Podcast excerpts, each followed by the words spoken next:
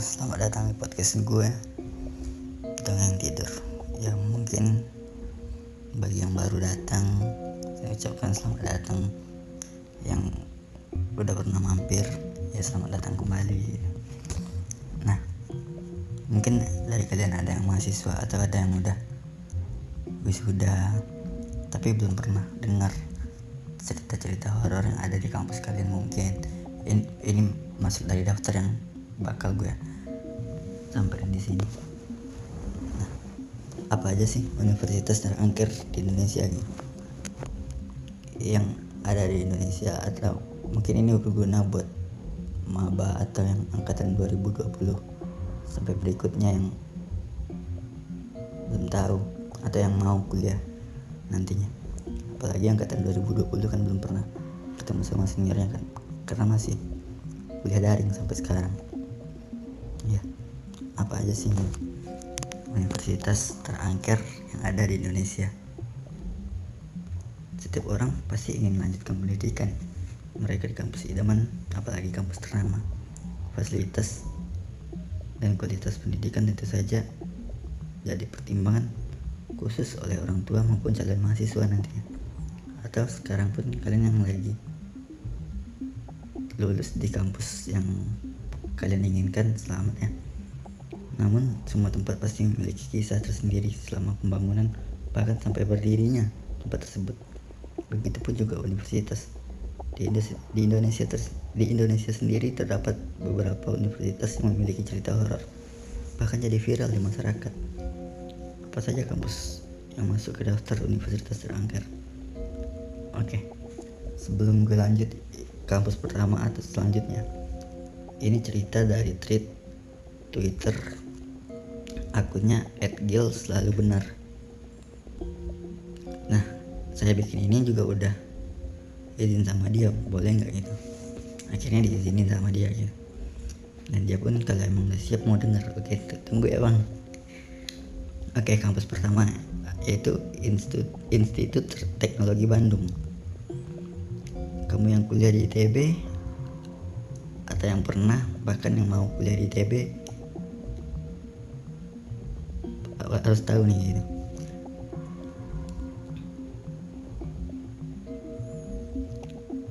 Di ITB sendiri pernah penampakan sosok perempuan berambut panjang yang berkeliaran di kawasan daerah tam yang di kawasan Taman Sari. Banyak mahasiswa ITB yang melewati daerah tersebut kerap kali melihat penampakan sambil menatap orang yang lewat. Beberapa mahasiswa yang lewat juga menghiraukan penampakan tersebut. Tidak hanya cerita itu, ITB juga punya cerita horor lainnya, yaitu pengalaman saat Fanci naik FSRD. Ceritanya gini, Fanci naik ini adalah sebuah pesta yang digelar di kampus. Biasanya semalam suntuk. Nah, dulunya Fanci naik ini digelar ala pesta topeng gitu. Tapi karena ITB bukan hanya milik mahasiswa, banyak juga dedemit yang ikutan party. Dedemit gue juga nggak tahu. Tapi ntar kalau nanya Google atau lo yang udah tahu ya bagus lagi itu sekali waktu ada aki-aki yang sama anak kecil yang entah dari mana datangnya ikutan pesta topeng. Aneh di antara anak muda tiba-tiba tiba ada kakek-kakek dan anak kecil. Bukan cuma itu. Kadang ada juga yang berpapasan sama dirinya sendiri setelah itu beberapa mahasiswa ITB memplesetkan singkatannya menjadi Institut Terjurik Bandung. Itu cerita dari ITB. Universitas berikutnya Universitas Erlangga yang ada di Surabaya. Salah satu universitas terbesar di Surabaya ini juga menyimpan cerita horor yang melegenda di kalangan mahasiswa. Cerita yang lumayan terkenal adalah hantu wanita menangis di area parkiran. Kalau kamu lagi parkir terus ada suara cewek nangis, sebaiknya kamu jangan noleh. Ya yang untuk maba mungkin belum tahu. Atau yang akan mau kuliah yang akan kuliah di Erlangga. Mahasiswa yang nekat menoleh biasanya dikasih penampakan wanita dengan pisau menancap di perutnya. Kabarnya perempuan ini memilih bunuh diri di area yang dulunya pepohonan itu. Ada juga cerita dari gedung fakultas farmasi yang katanya lumayan horor beberapa mahasiswa di fakultas tersebut pernah melihat penampakan sosok makhluk halus yang muncul saat maghrib dan sebelum isya atau di atas jam 11 malam. Ada juga yang tiba-tiba kakinya tertahan sampai terjatuh. Dan juga penampakan hantu ber, ber, berpasangan yang misterius. Benar atau tidak kabarnya, namun cerita ini sudah beredar di kalangan mahasiswa. Ngeri juga hantu berpasangan. Selanjutnya ada Universitas Indonesia yang ada di Depok. Sudah menjadi rahasia umum bahwa salah satu kampus terbaik di Indonesia, Universitas Indonesia menyimpan banyak cerita misteri. Ada beberapa kisah horor yang paling terkenal di UI. Bagi sebagian besar anak UI, pasti pernah mendengar atau bahkan merasakan sendiri kisah kereta hantu. Dikisahkan bahwa pada waktu menjelang tengah malam, terkadang ada kereta yang berhenti di stasiun UI untuk mengangkut penumpang. Salah satu kisah mengenai kereta hantu ini yang cukup melegenda ialah seorang mahasiswa UI yang ingin pulang ke rumahnya di daerah Tebet. Saat ia menaiki kereta ini, di dalamnya ada beberapa penumpang dengan wajah yang pucat.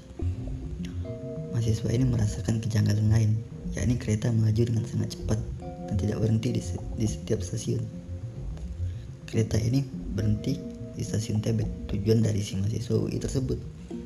Begitu turun, kereta ini langsung melaju kencang tanpa menunggu penumpang lagi. Ketika si mahasiswa UI ini berjalan menuju keluar stasiun, dia ditegur oleh penjaga stasiun. Si penjaga bertanya, dari mana si mahasiswa ini datang? Si mahasiswa hanya menjawab bahwa ia baru naik kereta dari UI. Si penjaga menceritakan bahwa tak ada kereta yang datang. Ia hanya melihat si mahasiswa berjalan di atas rel sampai ke stasiun Tebet. Mendengar ucapan si penjaga stasiun, Si mahasiswa pun terkejut lalu pucat. Ia tidak menyangka kalau dirinya baru saja menaiki kereta hantu. Ada juga kisah kuntilanak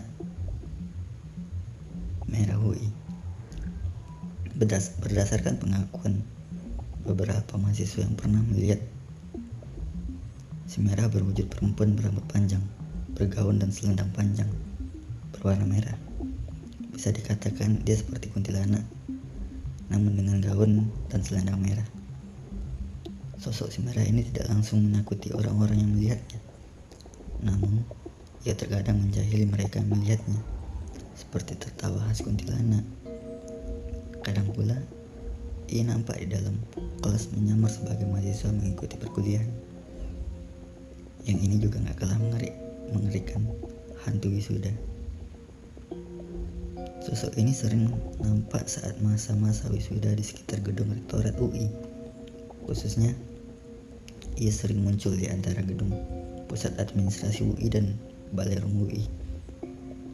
Konon, menurut kisah yang beredar, sosok makhluk tersebut merupakan arwah mahasiswi yang penasaran lantaran ia meninggal sebelum bisa berwisuda.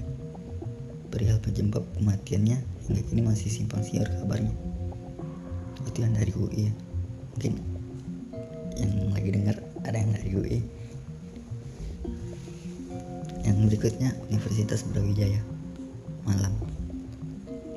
Kalau kamu mahasiswa Fakultas Kedokteran Universitas Brawijaya Malang tentu pernah dengar cerita hantu hantu muka rata yang berada di sekitar lokasi perpustakaan gedung Fakultas Kedokteran Universitas Brawijaya menurut cerita ada beberapa mahasiswa yang berjalan di area kampus pada malam hari. Ia melihat seorang pria duduk sendirian tanpa suara. Karena curiga, mahasiswa itu berniat menghampiri untuk bertanya kenapa sendirian. Ketika didekati, pria tersebut berbalik dan terlihatlah mukanya yang rata, tanpa mata, tanpa hidung, mulut, telinga, dan semuanya. Itu cerita dari Universitas Brawijaya. Selanjutnya Universitas Diponegoro Semarang. Mantan mahasiswa S2 Fakultas Hukum Universitas Diponegoro Semarang pernah mendengar suara berisik di dinding triplek yang dicakar menggunakan kuku di sebuah ruangan gedung Fakultas Hukum. Sementara gedung S1 Fakultas Hukum di lantai 2 dan tiga diyakini ada hantu muka rata dan hantu gadis kecil bermata merah melotot. Saking seramnya, gedung undip selalu kosong saat sudah melewati maghrib. Nih ya, buat maba yang belum tahu, mending nanya-nanya dulu sama seniornya ketika mau masuk kuliah. Beralih dari fakultas hukum, Fisip Undip juga menyimpan kisah legenda, yaitu gedung B101. Nah, nih buat mahasiswa baru nih tanya-tanya, itu gedung yang mana? Ntar malah kelamaan di situ atau sendiri malah digangguin. Yang banyak diketahui oleh mahasiswa di Undip dulu berdasarkan cerita yang beredar. Terdapat wanita penunggu ruangan B101 sebelum ruangan tersebut direnovasi, seperti sekarang. Ya saya juga nggak tahu kan karena saya belum pernah ke Undip. Mungkin yang kuliah di, di Undip bisa ngasih tahu ya. Banyak dari mahasiswa fisik pernah melihat sosok wanita menyerupai kuntilanak menampakkan diri. Entah benar atau tidak, namun legenda hantu di Undip menyisakan pengalaman mistis mencekam bagi yang pernah melihatnya. Nah, ingatlah buat yang kuliah di Undip apalagi yang divisip sama hukum. Hati-hati jangan pernah sendirian apalagi bengong pemikiran kosong. Ya selanjutnya untuk Universitas Sumatera Utara Medan. Kampus USU atau Universitas Sumatera Utara adalah sebuah kampus negeri terbesar di Provinsi Sumatera Utara. Banyak sekali mahasiswa dari penjuru Sumatera hingga beberapa wilayah Indonesia yang menimba ilmu di kampus yang konon juga serem dan banyak hantunya terutama, terutama di bagian pintu 4 pintu 4 yang mana? Aku juga belum pernah kayak musuh. Menurut cerita dari mahasiswa yang dan warga lokal tempat itu dihuni banyak sekali makhluk halus pintu 4 dikenal sekali pohonnya banyak orang beranggapan jika pohon besar itu adalah sarang hantu. Jika habis maghrib Anda ke sana atau lo ke sana, maka suasana mencekam akan langsung terasa. Jika Anda pria atau lo pria nih yang datang ke ke bagian bentuk empat, maka hantu wanita berbaju merah datang nampak, kadang nampak, bahkan kadang naik ke atas boncengan motor. Nih, yang sosokan pakai motor ke kampus atau emang difasilitasi sama keluarganya. Hati-hati lah. Selanjutnya Universitas Trisakti Jakarta. Suatu hari ada acara yang digelar di lapangan kampus. Pada saat kejadian itu kemudian ada dua mahasiswa baru yang naik ke gedung Fakultas Ekonomi agar lebih mudah menonton acara tersebut tidak lama tidak lama kemudian ada seorang mahasiswi yang menggunakan alma mater ekonomi duduk di sebelah mereka. Tidak lama kemudian, ada seorang senior yang memaksa kedua mahasiswi ini untuk membantunya mengangkat barang. Setelah mereka ikut turun, sang senior kemudian mematikan lampu. Kedua mahasiswi ini pun bingung, padahal masih ada orang yang ada di situ. Tapi kenapa lampunya dimatikan?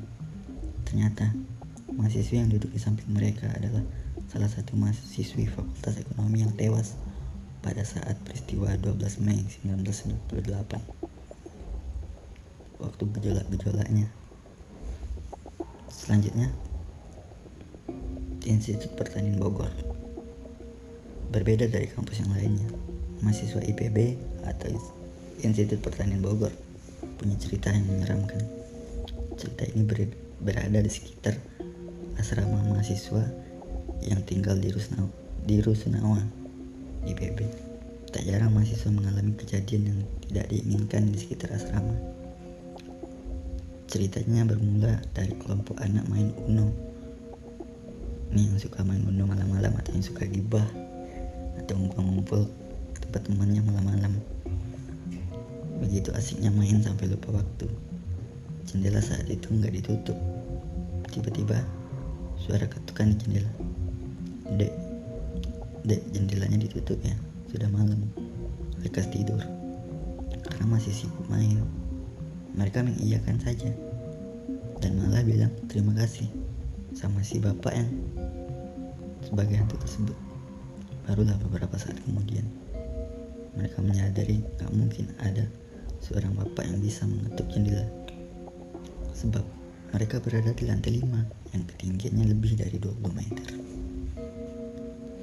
Pernah juga sekelompok mahasiswi berbicara hingga malam hari, lalu tiba-tiba pintu diketuk.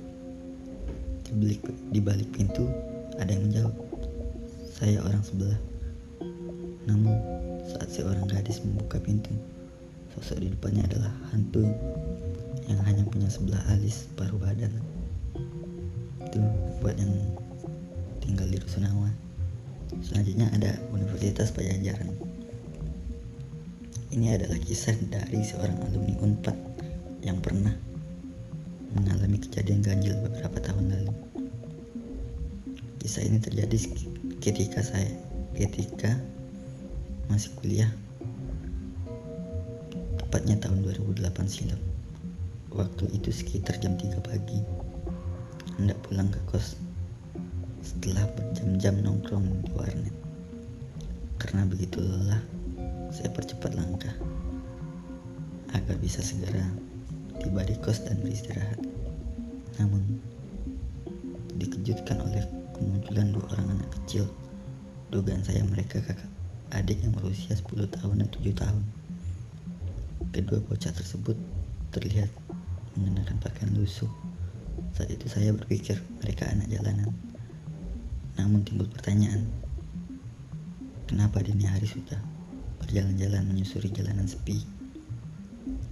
Belum habis rasa bingung tersebut, sontak saya kaget ketika mereka menyeberang jalan dan langsung tertabak truk besar dari arah Sumedang ke Bandung. Saya langsung sok dan berusaha untuk berlari menyelamatkan mereka yang, yang sudah terpental di sisi jalan jarak saya dengan lokasi dengan jarak si mahasiswa ini dengan lokasi tabrakan sekitar 50 meter. Jadi sangat terlihat jelas peristiwa mengerikan tersebut. Setiba di titik kejadian, mahasiswa ini kaget karena kedua bocah tidak mengalami luka. Malahan masih bisa berdiri. Lantas keduanya kembali menyeberang dan kali ini ditabrak oleh mobil minibus L300 dengan kecepatan kira-kira 80 km per jam. Tabrakan kedua ini hanya berjarak 15 meter dari posisi si mahasiswa ini. Sangat jelas terlihat mereka tidak mengalami apa-apa. Kemudian menyeberang kembali dan ditabrak mobil untuk ketiga kalinya. Nah, saat itu si mahasiswa mulai mencium. Ada sesuatu aneh yang terjadi. Di saat itu, Mahasiswa ini berusaha menghampiri bocah tersebut. Belum sempat mendekat dari jarak 4 meter dengan begitu jelasnya. Dia melihat kedua wajah bocah terlihat sangat pucat dan bermata hitam tanpa ada putih sama sekali. Mereka melotot ke arah mahasiswa ini dan bertanya, kakak melihat kami ya? Secara berulang dengan nada semakin tinggi. Lantas mereka mundur ke tengah jalanan tertabrak kembali. Setelah itu, keduanya langsung lenyap hilang. Sampai situ ada juga kisah tentang mahasiswa FIB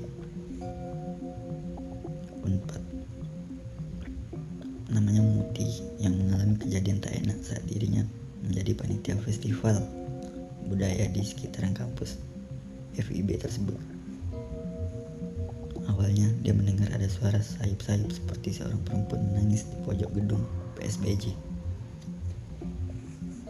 Ternyata saat didekati suara tersebut berasal dari temannya yang memang sedang punya masalah dengan sang pacar. Saat Muti ini memujuk temannya agar berhenti menangis, salah satu teman panitia lain meneriaki Muti dan temannya yang menangis tersebut agar segera pergi dari situ. Ternyata Keesokan harinya, teman yang meneriaki Muti tersebut melihat sosok nenek sedang melototi Muti dan temannya yang menangis tersebut. Saat malam itu, tidak ada orang lain kecuali panitia festival budaya yang notabene adalah mahasiswa FIB itu yang kejadian di Unpad. Selanjutnya Universitas Gajah Mada. Kalau anak UGM atau yang kuliah di UGM kamu pas lu lu pasti sudah enggak asing lagi dengan rumor mistis yang satu ini. Seorang mahasiswa abadi yang lebih dikenal dengan nama Mbak Yayu. Ini konon dulunya adalah seorang mahasiswa yang skripsinya selalu ditolak dosen. Karena frustasi Mbak Yayu kemudian memilih untuk mengakhiri hidupnya dengan cara lompat dari ketinggian di gedung Fakultas Ekonomi. Penampakan Mbak Yayu sering nongol saat sore hingga malam hari. Nah, selain Mbak Yayu dari Fakultas Ekonomi, ada Mbak Rohana yang berkuasa di jembatan penyeberangan Fakultas Peternakan, Kedokteran Hewan dan Pertanian. Mbak Rohana ini disinyalir sering lewat dan mengagetkan mahasiswa. Cerita yang mengenai pertemuan dengan Mbak Rohana adalah mahasiswa akan melihat perempuan di jembatan lalu perlahan ia seperti terjatuh ke bawah dengan begitu. Melihat akan histeris tetapi saat dilihat tak ada orang atau korban yang jatuh. Sementara oke. Okay,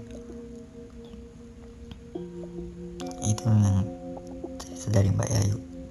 Sementara di kalangan para mahasiswa pasca sarjana ada ada mitos yang nggak kalah terkenal cerita yang sudah berkembang puluhan tahun melarang siapa pun untuk menyanyikan lagu gugur bunga untuk melewati bundaran teknik pasca sarjana UGM jika larangan ini dilakukan maka akan ada sosok yang menghampirimu caranya pun unik kedatangannya akan berbau harum tapi dengan wujud yang menyeramkan.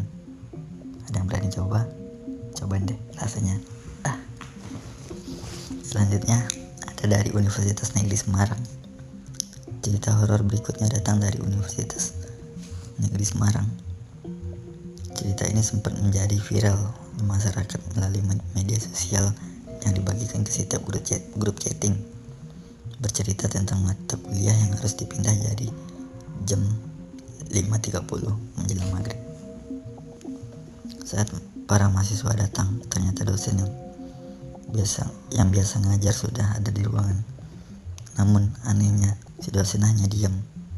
Kemudian secara bersamaan ketua kelasnya di, di SMS sama dosen kalau ternyata kuliah tidak jadi dan kosong karena ada keperluan. Ketua kelas kemudian di SMS sama dosen aslinya. Disuruh menjadi kaki dosen di depannya. Akhirnya, ketua kelas pura-pura menjatuhkan ballpoint ke bawah kursi sambil melihat kaki si dosen. Alangkah terkejutnya. Si ketua kelas karena ternyata dosen tersebut ternyata tidak punya, tidak memiliki kaki.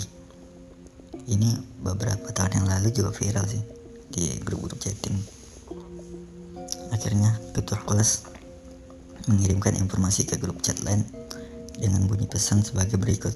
Sekarang tolong keluar satu persatu dari yang paling belakang dan tanpa teriakan. Itu isi pesan dari grup lain kelasnya. Hal itu dilakukan ketua kelas karena dia tahu jika yang di depannya itu adalah hantu. Serentak para mahasiswa keluar satu persatu. Namun, tiba-tiba saja Sang dosen gaib tersebut berjalan ke belakang mendekati ketua kelas sambil berkata, kamu udah tahu saya. Saat itu juga ketua kelasnya langsung berteriak lari dari ruangan kelas. Itu ceritanya. Selanjutnya ada dari Universitas Negeri Malang. Mahasiswa Universitas Negeri Malang pastinya tahu kisah kisah horor horor ini, tapi bagi yang belum tahu, nih mana tahu jadi pengalaman juga nantinya atau mau coba-coba ya